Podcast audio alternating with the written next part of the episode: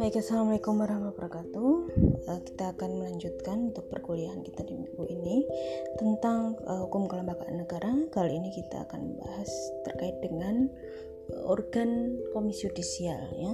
Dimulai dari sejarah uh, KY itu apa, kemudian tugas dan wewenang serta fungsi pokok KY itu apa. Nah, sebelum uh, saya membahas tentang tugas dan fungsi wewenang KY ya uh, saya akan memulai dengan melakukan pembahasan dahulu tentang apa sih yang menjadi cikal bakal didirikannya KAI atau bagaimana sejarah pembentukan KAI itu sendiri dalam struktur ketatanegaraan di Indonesia.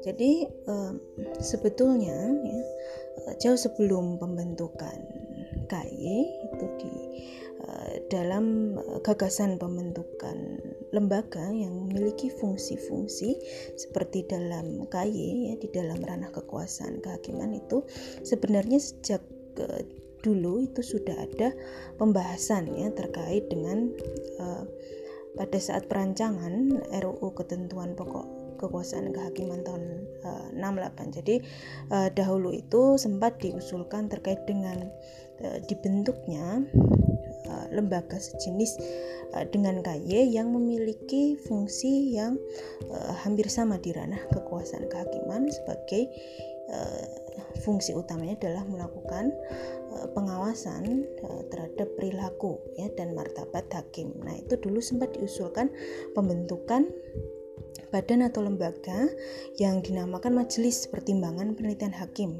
atau MPPH dan juga dulu juga uh, sempat diusulkan dibentuknya Dewan Kehormatan Hakim atau DKH. Nah, uh, fungsi Majelis Pertimbangan Penelitian Hakim yang sempat diusulkan itu fungsinya adalah terkait dengan dalam rangka memberikan pertimbangan kemudian eh, mengambil keputusan eh, terakhir dalam kaitannya dengan pengangkatan kemudian pemberhentian maupun promosi untuk para hakim yang diajukan oleh Mahkamah Agung ya. Namun ternyata ide dari gagasan tersebut untuk membentuk M PPH itu tadi ya Majelis Pertimbangan Penelitian Hakim ternyata tidak tidak berhasil menjadi uh, muatan dari materi Undang-Undang Nomor 14 Tahun 70. Nah ini undang-undang pertama yang mengatur tentang ketentuan-ketentuan pokok kekuasaan kehakiman. Nah baru kemudian uh, disepakati dibentuknya KY ini pada amandemen ketiga Undang-Undang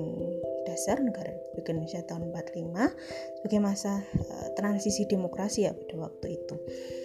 Nah, jadi kemudian disepakatilah membentukkan komisi judisial yang secara khusus diatur di dalam pasal 24B ayat 1 Undang-Undang Dasar 1945. Nah, dibentuknya KY ini kenapa? Karena memang uh, awal dan cikal bakal dibentuknya KY ini bersandar pada keprihatinan melihat uh, kondisi uh, dari wajah uh, peradilan ya kasus-kasus penyelesaian, penyelesaian perkara oleh hakim dan juga badan kekuasaan peradilan di Indonesia di masa pasca kemerdekaan baik itu di masa Orba maupun Orla ini sangat memprihatinkan sekali sehingga hal tersebut yang kemudian menjadi muara dan uh, tumpuan kemudian dibentuknya uh, KY ini dalam rangka meningkatkan efektivitas penegakan hukum di Indonesia yaitu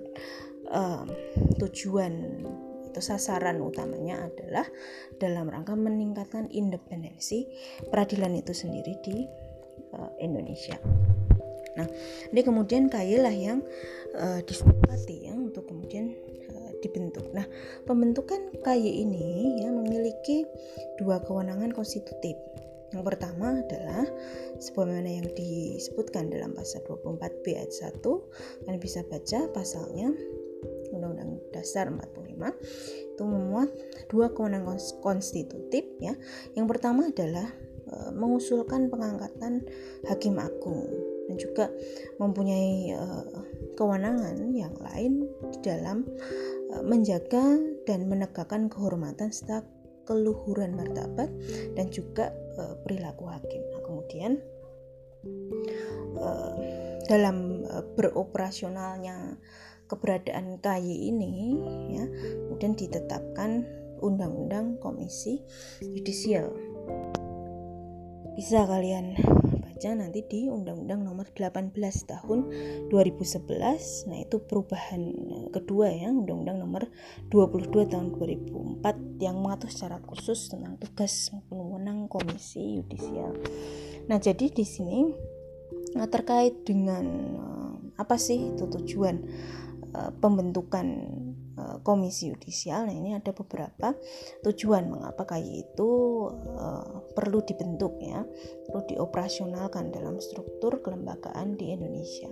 Beberapa dari tujuan tersebut ya, yang pertama adalah untuk mendapatkan calon hakim agung kemudian hakim ad hoc di uh, lingkungan Mahkamah Agung dan juga hakim di seluruh uh, badan peradilan berdasarkan kapasitas dan kebutuhan ya maupun standar kelayakan yang pertama.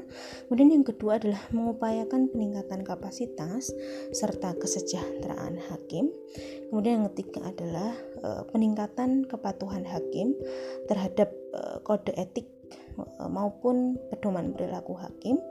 Kemudian yang keempat adalah e, otomatis ya ini e, dalam rangka meningkatkan terwujudnya kepercayaan publiknya public trust terhadap hakim dan uh, badan peradilan.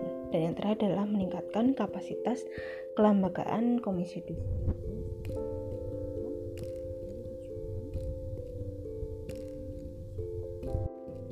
Nah, jadi kalau di uh, tilik dalam landasan konstitusional ya atau dasar hukum kayak itu sendiri kalian bisa cek di pasal 24B ayat 1 Undang-Undang 45 bahwa memang di Indonesia ini diperlukan sebuah lembaga yang independen yang fungsinya adalah uh, salah satunya adalah mengawasi perilaku dan martabat uh, dan menjaga martabat hakim baik itu hakim konstitusi maupun hakim agung maupun uh, apa namanya terhadap badan-badan peradilan di bawah Mahkamah Agung misalnya dalam lingkup peradilan uh, umum peradilan uh, militer peradilan uh, tata usaha negara maupun peradilan agama. Nah itu merupakan fungsi dari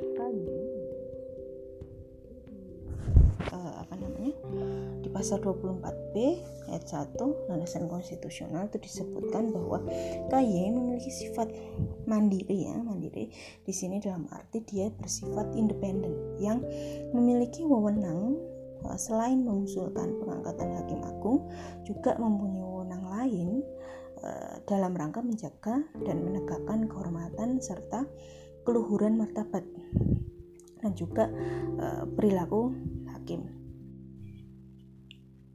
Nah, selain itu, wewenang dan tugas ini kalian bisa lihat di pasal 13 Undang-Undang Nomor 18 tahun 2011 ya di antaranya KY mempunyai wewenang itu yang pertama adalah mengusulkan pengangkatan hakim agung kemudian hakim ad hoc di Mahkamah Agung kepada DPR untuk mendapatkan afirmasi atau persetujuan.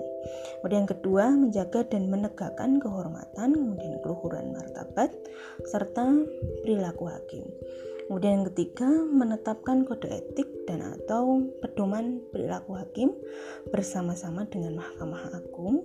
Kemudian yang keempat adalah menjaga dan menegakkan pelaksanaan kode etik eh, dan juga pedoman eh, perilaku hakim. Sementara untuk tugas Komisi Yudisial itu kalian bisa melihat di pasal 14 eh, ya Undang-Undang Nomor 18 tahun 2011 bahwa dalam rangka uh, melakukan pengusulan pengangkatan hakim agung maupun hakim ad hoc di Mahkamah Agung kepada DPR itu KY memiliki tugas yang pertama adalah melakukan pendaftaran calon hakim agung kemudian melakukan seleksi terhadap calon hakim agung kemudian menetapkan serta mengajukan calon hakim agung kepada DPR kemudian uh, tugas-tugas yang lain itu diatur di dalam uh, pasal 20 ya Undang-Undang Nomor 18 tahun uh, 2011 ya.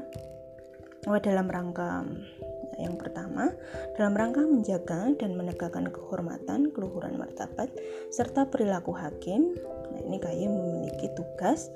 Yang pertama adalah melakukan pemantauan dan juga pengawasan terhadap perilaku hakim, kemudian menerima laporan dari masyarakat terkait dengan pelanggaran kode etik dan juga pedoman perilaku hakim, kemudian melakukan verifikasi, klarifikasi maupun investigasi terkait dengan laporan dugaan pelanggaran kode etik dan pedoman perilaku hakim secara tertutup, kemudian memutus benar atau tidaknya laporan dugaan pelanggaran kode etik dan pedoman perilaku hakim, kemudian mengambil langkah hukum atau langkah lain uh, terkait dengan orang berseorangan atau kelompok orang atau badan hukum yang merendahkan kehormatan dan keluhuran martabat hakim.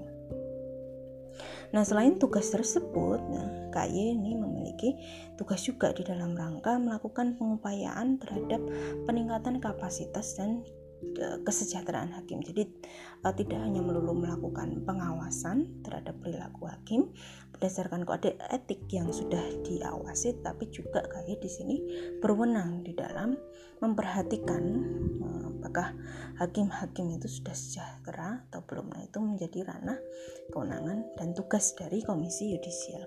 Kemudian yang ketiga adalah dalam rangka menjaga dan menegakkan kehormatan, kemudian keluhuran martabat serta perilaku hakim ya. Kemudian yang terakhir uh, adalah kaitannya dengan jika ada dugaan pelanggaran kode etik maupun pedoman perilaku hakim Nah, itu KY dalam hal ini bisa bekerja sama atau melakukan koordinasi lebih lanjut atau meminta bantuan lebih lanjut kepada uh, aparat uh, penegak hukum ya, misalnya dalam hal uh, melakukan penyadapan atau uh, melakukan perekaman pembicaraan yang terkait dengan adanya dugaan tersebut. Nah, ini uh, bisa KY memiliki wewenang terkait hal tersebut melakukan koordinasi dan kerjasama dengan aparat penegak hukum yang terkait. Jadi bisa di tindak uh, lanjuti. Nah itu adalah beberapa wewenang dan tugas kalian bisa membaca-baca sendiri di Undang-Undang Nomor 18 Tahun 2011 tentang Komisi Yudisial. Nah itu sedikit. Nah kemudian yang akan kita bahas selanjutnya. Jadi apa sih sebenarnya uh, dibalik urgensi dibentuknya KY ini di Indonesia? Nah kalau kita lihat pada core-nya seperti yang sudah saya jelaskan tadi bahwa inti dibentuknya KY ini tidak lain adalah dalam rangka membentuk dan juga membangun peradilan yang sifatnya independen dan juga akuntabel.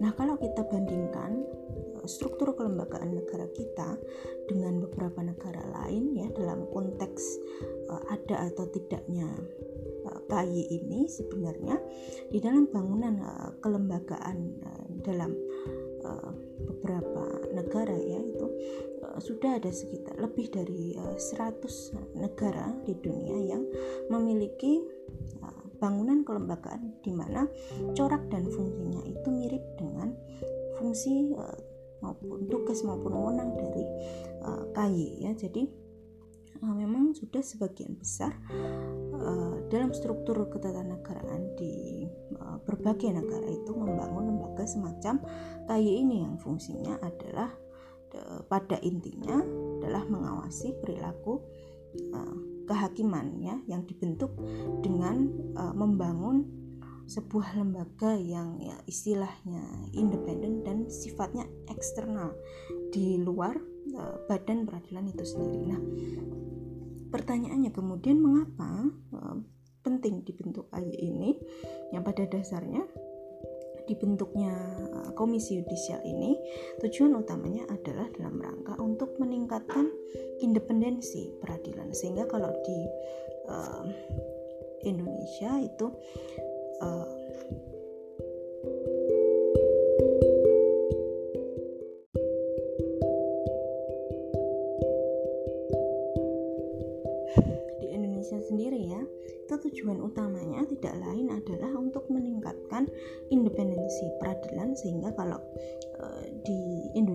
Itu badan kehakiman itu adalah meliputi ada Mahkamah Agung, ada Mahkamah Konstitusi dan juga empat lingkungan peradilan yang uh, berada di bawah MA sehingga uh, dari badan-badan peradilan tersebut kemudian menjadi uh, tidak memiliki istilahnya kebebasan yang absolut dalam ranah kehakiman. Sehingga tidak bebas dari aspek moral yang menjadi ranah fungsi KY itu sendiri. Nah, di sini adalah uh, peran uh, dan uh, fungsi dari KY itu sendiri di dalam aspek etis ya maupun aspek moralitas hakim. Sebagai contoh misalnya di Amerika Latin ya di negara Amerika Latin itu lembaga semacam KI ini juga ada dan dibentuk ya dalam rangka menjaga independensi uh, peradilan badan peradilan yang ada di negara uh, tersebut dari intervensi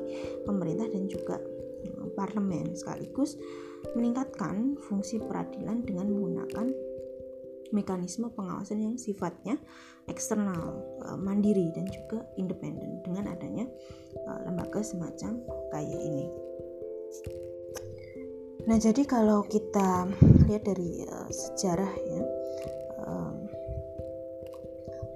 kelamnya peradilan di Indonesia ini baik itu di dalam masa Orba maupun masa Orde lama ya pasca kemerdekaan memang inilah yang menjadi tendensi yang kuat. Kemudian mengapa uh, perlunya dibentuk komisi uh, yudisial ya agar tidak salah satunya uh, meningkatkan independensi itu tadi dan juga menjaga agar di dalam penyelesaian perkara-perkara uh, dalam proses peradilan tentu bebas dari intervensi pihak kekuasaan mana pun. Nah, sehingga uh, dibentuknya KY ini sebenarnya adalah dalam rangka untuk meningkatkan kembali apa namanya kepercayaan publik yang sebelumnya ke arah distrust ya ketidakpercayaan ya kemudian kembali lagi dimunculkan atau dihidupkan kembali publik trustnya yang kemudian menguat uh, kepada lembaga atau badan peradilan di Indonesia. Nah, namun ya eh, ternyata dalam eh, pelaksanaan atau implementasi tugas KY, KY ini sendiri di dalam uh, uh, bernegara itu ternyata tidak lepas juga dari banyak resistensi ya, banyak penolakan, banyak hambatan ya, banyak kendala. Dan kendala ini ditemu di apa namanya ditemukan atau dihadapkan dengan badan kekuasaan kehakiman yang lain jadi bukan berasal dari uh, istilahnya dari parlemen atau dari DPR maupun pemerintah tetapi berasal dari badan kekuasaan yang lain yang uh, merasa uh, diawasi oleh komisi yudisial yaitu dari Mahkamah Konstitusi maupun Mahkamah Agung itu sendiri. Karena uh, hakim uh, agung ya maupun hakim konstitusi dalam pandangan kedua lembaga ini merasa tidak perlu uh, diawasi sedemikian rupa oleh uh, KY sehingga dalam awal-awal masa pelaksanaan tugas KY ini memang uh, banyak hambatan ya karena memang uh, oleh Mahkamah Konstitusi sendiri memiliki wewenang yang memiliki uh, fungsi untuk melakukan uji material melakukan uh, mengabulkan judicial review yang diajukan oleh pemohon sehingga sangat dimungkinkan lembaga uh, KY yang sudah independen ini bisa dirubah uh, baik itu tugas, fungsi maupun kewenangannya oleh Mahkamah Konstitusi itu sendiri. Ujung-ujungnya nanti akan melakukan uji materi ya terkait dengan kewenangan lembaga komisi uh, yudisial ya. Tidak lain karena memang kewenangan atau fungsi Mahkamah Konstitusi itu memungkinkan untuk melakukan uh, hal tersebut. Nah, ini merupakan kesenjangan yang ditemukan di dalam implementasi KY dalam uh, kehidupan bernegara. Nah, setidaknya ditemukan ya dalam perjalanan uh, KY ini ya sudah ada empat putusan ya uji materi ya yang kemudian mempengaruhi uh, terhadap model dan kewenangan KY ya terkait dengan uh, dia ini memiliki uh, kewenangan di ranah fungsi kelembagaan mana. Yang pertama adalah kalian bisa lihat di putusan Mahkamah Konstitusi nomor 5 garing PUU garing 4 garing 2006. Nah, ini merupakan putusan yang cukup kontroversial ya karena dengan adanya putusan ini nah ini menyebabkan objek pengawasan dari Komisi Yudisial ini tidak mencakup atau tidak mengikuti hakim konstitusi. Jadi MK kemudian melakukan uji materi ya dengan uh, diputuskan atau disahkannya putusan MK ini sehingga MK menjadi berlepas diri dari objek pengawasan KY. Nah, kemudian yang kedua yaitu dalam putusan Mahkamah Agung ya. Tahun 2011 nomor 36 kalian juga bisa cek. Itu juga isinya menganulir ya atau membatalkan beberapa butir yang menjadi uh, kesepakatan kode etik pengawasan uh, perilaku hakim yang sebelumnya sudah disepakati antara KY dengan MA kemudian dianulir uh, beberapa uh, butir kode etik pengawasan terkait perilaku hakim apa saja yang bisa diawasi atau menjadi objek pengawasan KI. Nah, itu yang kedua yang mengubah model dan kewenangan KY secara uh, fungsi dan wewenang dalam uh, kelembagaan KY.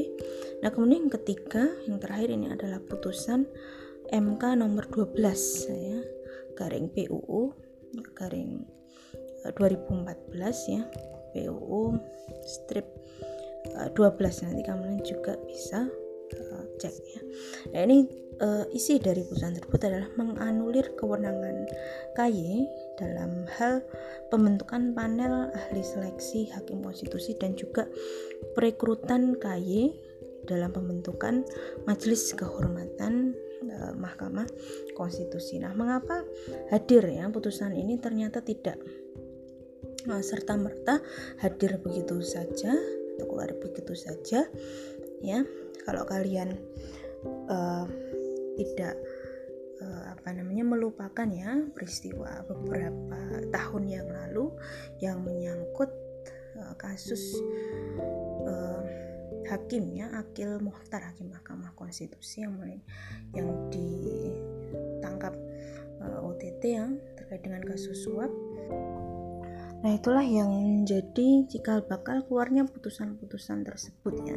Dimulai dari kasus OTT Hakim Konstitusi Akil Muhtar ya kalau kalian lihat sejarahnya dulu.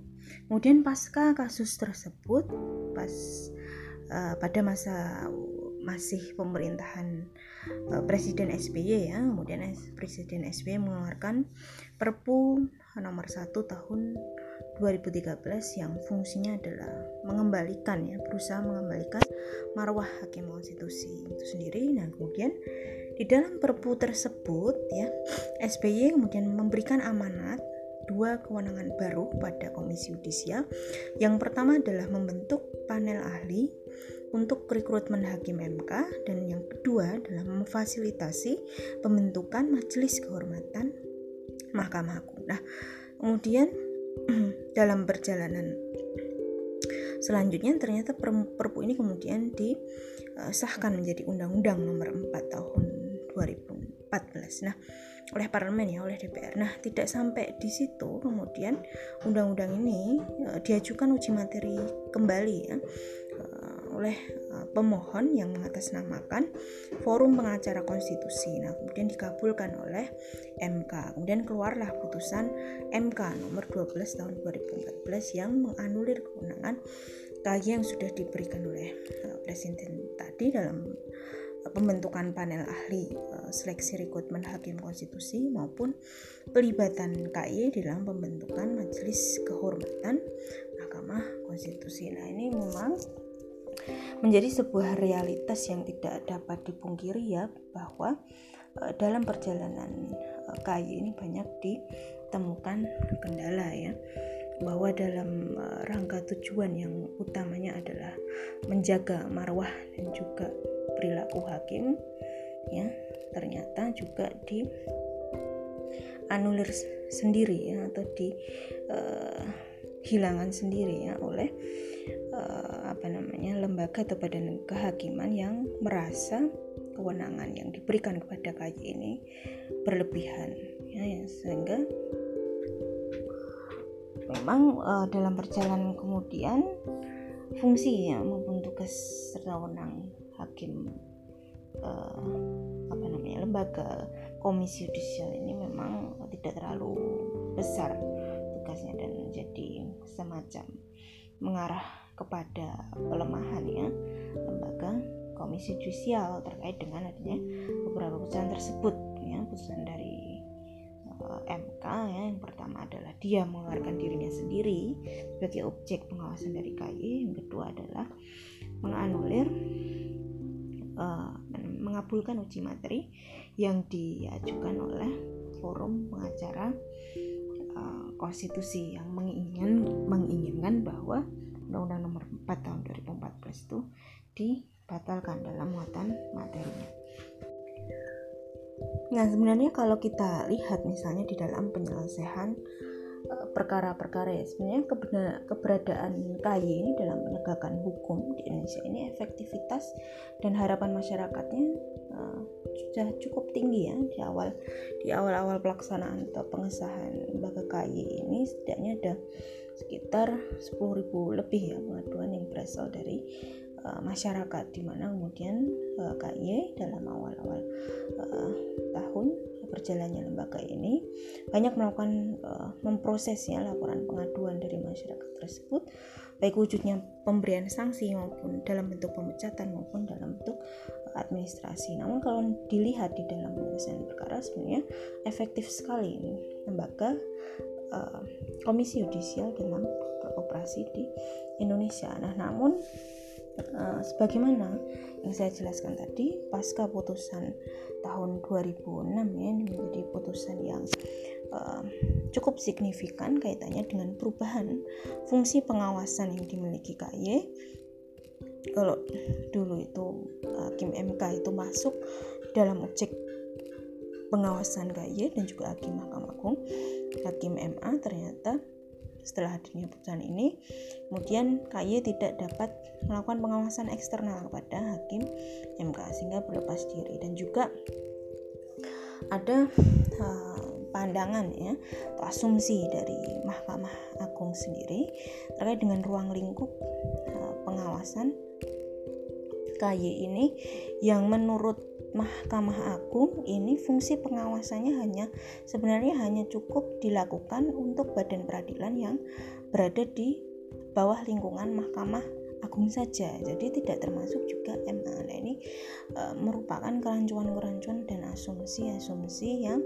e, timbul ya dari e, Mahkamah Agung. Jadi harapannya Mahkamah Agung itu KY itu fungsinya hanya melakukan pengawasan terhadap empat lingkungan badan peradilan yang ada di bawah MA baik itu peradilan umum peradilan militer peradilan e, tata usaha negara maupun juga peradilan e, agama. Nah ini yang diharapkan ya sehingga menurut MA uh, MA tidak termasuk juga sebagai objek pengawasan dari uh, komisi yudisial termasuk juga hakim konstitusi. Nah, ini merupakan polemik dan eh, kendala-kendala uh, serta hambatannya walaupun di kalau kita ketahui di struktur ketatanegaraan MA juga sudah ada sudah dibentuk apa yang namanya Dewan Etik maupun Majelis Kehormatan Mahkamah Konstitusi tersendiri sebagai sebuah e, lembaga pengawasan ad hoc yang ada di ranah internal dari Mahkamah Konstitusi. Namun secara e, etik kemudian juga publik menilai belum mampu ini lembaga ini melaksanakan pengawasan secara maksimal, secara optimal terutama dalam melakukan pengawasan perilaku hakim konstitusi. Bagaimana yang saya pernah uh, apa namanya berikan tugas ya pada kalian beberapa waktu lalu bahwa juga telah terjadi um, penghilangan pembatasan periode sasi masa jabatan hakim konstitusi ya sampai usia 70 tahun. Nah, itu sebagai uh, apa namanya? ironi juga ya dalam penegakan hukum di Indonesia di mana Mahkamah Konstitusi ini seharusnya menjadi garda terdepan yang mampu menjaga konstitusi yang sifatnya seharusnya independen dan juga mandiri ya bebas dari pengaruh maupun kekuasaan badan badan pemerintahan yang lain ya. Termasuk di dalam uh, ranah uh, internal sendiri itu dinilai uh, baik itu dengan etik maupun majelis kehormatan Mahkamah Agung itu belum uh, mampu uh, mengawasi perilaku hakim sendiri dalam ranah moral secara internal. Sehingga uh, sampai sekarang yang mengawasi hakim konstitusi itu tidak ada ya karena KY sudah berlepas tangan satu-satunya cara agar KY ini dapat difungsikan secara optimal kembali ya harus dikuatkan kembali secara kelembagaan. Dengan cara apa? Dengan cara uh, misalnya ya mengakomod uh, apa merevisi atau mengakomodasi undang-undang uh, MK ini agar di dalamnya KY ini bisa dimasukkan sebagai lembaga pengawas eksternal ya di luar Mahkamah Konstitusi. Sehingga tidak uh, kemudian berada di dalam Mahkamah Konstitusi secara internal itu akan sama saja tidak uh, berdampak sama sekali tetapi kayak ini harus dijelaskan fungsinya secara detail sebagai lembaga pengawas eksternal dari MK kalau perlu di dalam amandemen Undang-Undang 45 sendiri ya yang sudah diurgensikan sebenarnya dalam beberapa tahun terakhir sampai tahun ini terkait dengan amandemen kelima namun juga belum gak dilaksanakan ya. Ini salah satunya adalah yang penting ini adalah penguatan lembaga uh, KY ini ya. Karena uh, memang kalau dilihat sekarang tugas dan fungsinya tidak lain hanya mengawasi perilaku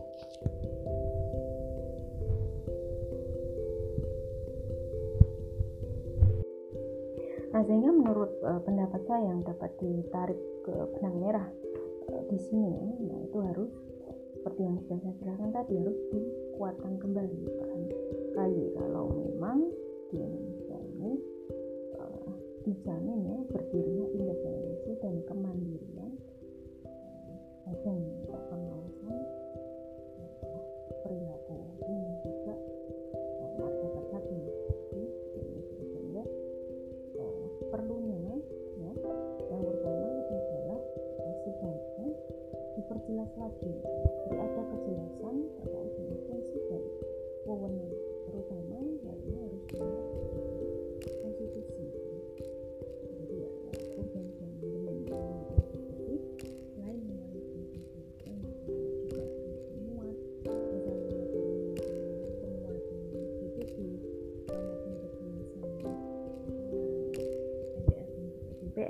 juga penjelasan atau uh, penguatan terhadap kelembagaan KY ini harus uh, diperkuat terkait terutama dalam hubungan antara KY dengan kekuasaan kehakiman lain misalnya dalam hakim konstitusi dan juga hakim uh, Mahkamah Agung ya.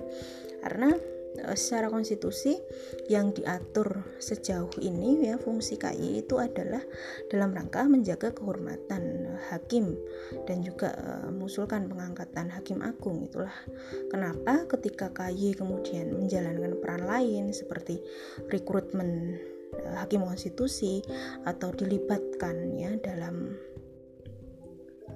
pembentukan majelis kehormatan MK nah ini inilah yang kemudian menjadi uh, ranah masalahnya inilah yang kemudian uh, dipermasalahkan ya karena memang dalam pasal 24B ayat 1 itu hanya diberikan dua kewenangan konstitutif ya mengusulkan pengangkatan hakim agung dan juga e, melakukan pengawasan terhadap perilaku hakim dan juga menjaga martabat hakim itu sendiri. Nah, yang kedua adalah uh, seharusnya sejak awal perlu kemudian diidentifikasi apakah lembaga KY ini memiliki aturan kode etik sendiri ataukah harus melibatkan Mahkamah Agung. Seperti yang sudah uh, saya bacakan di apa namanya tugas dan wewenang Undang-Undang Nomor 18 Tahun 2011 tadi ya bahwa salah satu dari fungsinya itu adalah e, merumuskan kode etik dengan melibatkan Mahkamah Agung. Nah, ini yang perlu diidentifikasi bahwa ternyata kode etik pengawasan perilaku hakim yang sebelumnya sudah disepakati bersama antara KY dengan MA itu juga berpotensi untuk dianulir dalam beberapa butir berpotensi untuk diubah ya e, seperti yang saya sebutkan tadi dalam putusan MA nomor 36 tahun 2011 sehingga kalau memang di harus dibuat melibatkan aturan bersama yang dibuat antara KI dan MA. Nah, kemudian fungsinya menjadi memang tidak terlalu kuat dan berpotensi untuk dianulir atau dihilangkan beberapa butirnya oleh Mahkamah Agung sendiri ya.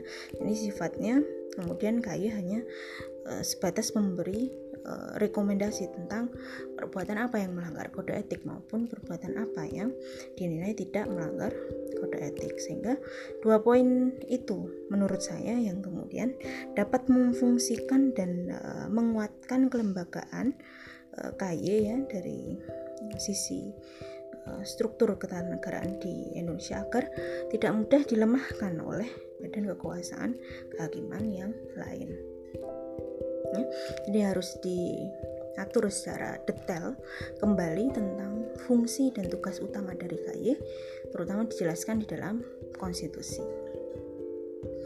Uh, kemudian juga yang terpenting selanjutnya agar uh, KY ini uh, bagaimana caranya untuk tidak mudah dihilangkan kewenangannya oleh Mahkamah Konstitusi karena Mahkamah Konstitusi